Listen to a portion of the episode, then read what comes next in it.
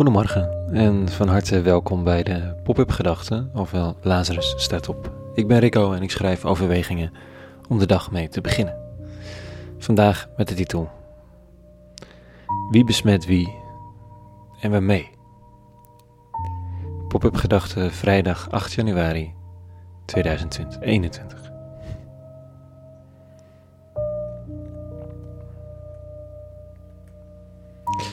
Een week of wat geleden ik in een videocall met een student die in een studentenhuis woont en op de achtergrond hoor je opeens een medestudent door de gang galmen. Melaats, melaats. Geintje natuurlijk. Jongens met een religieuze achtergrond die zich in quarantaine vervelen en een manier hebben bedacht om afstand te houden in de gangen. En er elke keer ook weer even om te kunnen lachen. We mogen blij zijn dat de meeste gevallen van corona niet in de verste verte lijken op de ellende van melaatsheid in bijbelse tijden. Maar er zijn kleine punten van overeenkomst, met name waar het gaat om besmettelijkheid en quarantaine. Hoe je na moet gaan wie je ontmoet hebt na een positieve test en die vervolgens moet opbellen om te melden dat er een kans is dat je ze besmet hebt. Niet leuk, kan ik je vertellen. Al is het inmiddels zo bekend dat niemand er moeilijk over doet, toch voelt het lullig. En de boog waarmee je om mensen heen loopt, de voorzichtigheid waarmee je voorwerpen, trapleuningen en wat niet al aanraakt, waar anderen buiten je huishouden ook nog aan zouden kunnen moeten komen. En dan hebben we nog de mazzel hier in huis dat we met z'n vieren hier tegelijkertijd in quarantaine zitten. En er niet iemand een week of langer opgesloten op een kamertje moet doorbrengen waarbij je enkel een bord eten voor de deur mag zetten. En als het dan daarbij blijft, mag je je nog gelukkig prijzen, gezien de verhalen van de heftige fysieke impact die corona kan hebben op je lijf. Oftewel, meelaats. Oftewel, afstand houden. Niet anderen aanraken. Niet aangeraakt worden. Niet verder besmetten. Even niet. Dan vandaag een fragment van de rabbi uit Nazareth, de wonderdoener, die wel aanraakt en ook besmet, maar dan in omgekeerde richting. Dit staat u. Terwijl Jezus eens in een van de steden vertoefde, trof hij een man aan die overdekt was met melaatsheid. Toen deze Jezus zag, wierp hij zich ter aarde neer en smeekte hem: Heer, als u het wilt, kunt u mij reinigen. Hij, Jezus, stak de hand uit, raakte hem aan en sprak: Ik wil het, word rein. En terstond verdween de melaatsheid. Jezus verbood hem het aan iemand te zeggen, maar, zo zei hij, ga u laten zien aan de priester en offer voor uw reiniging, zoals Mozes heeft voorgeschreven om hun het bewijs te leveren. Uit Lucas 5. Het gaat de rabbi blijkbaar niet om de stunt, maar om de man zelf. Hij mag het niemand zeggen.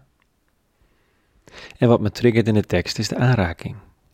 Als hij zo'n groot wonderdoener is, waarom moet hij dan aanraken? Waarom dat risico, dat gebaar? Hij geneest in andere verhalen ook wel eens met woorden op afstand. En hier heeft de aanraking een centrale rol. Normaal is het de zieke die de gezonde onherroepelijk besmet door een aanraking. In het geval van de man van Nazareth is het zijn gezondheid die de zieke besmet. Ik zou het met corona niet proberen, voor ik hier iemand op ideeën breng. Laten we dat in vredesnaam nog even uitzitten met elkaar. Maar de acties van de rabbi staan open voor bredere interpretatie. Zijn er mensen met wie je niet zo goed gezien kunt worden, omdat de omgang met hen je reputatie besmet? Wie moet er eigenlijk niet in je tijdlijn voorkomen of reageren op je Facebook-posts, omdat het bij anderen de wenkbrauwen doet reizen met de vraag wat voor rare types je eigenlijk in je achterban hebt? Wat automatisch de vraag oproept of je zelf dan ook niet een beetje raar bent. Ja, toch? Zo ontstaan bubbels en het verdriet of de neergeslagenheid van de ander kan je door de telefoon heen al besmetten. Wat het niet makkelijk maakt om maar weer de telefoon aan te nemen, dat berichtje te sturen, even te bellen.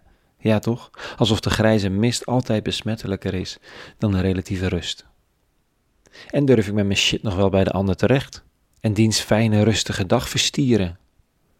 Helaas, onrein, besmet.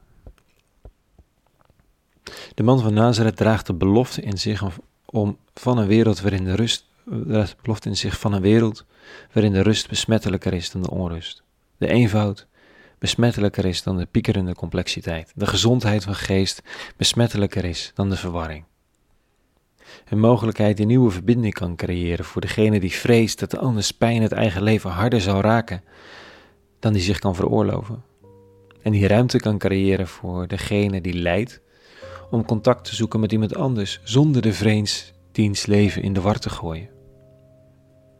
De eeuwige profileert zich als een zeer besmettelijke gezondheid, een fysiek overdraagbare aandoening van rust en vrede. En de vraag is of ik het durf te geloven zo nu en dan. Tot zover vandaag. Een hele goede vrijdag gewenst en een goed weekend. Maandag ben ik weer terug met een nieuwe pop-up gedachte. En voor nu, vrede gewenst. En alle goeds.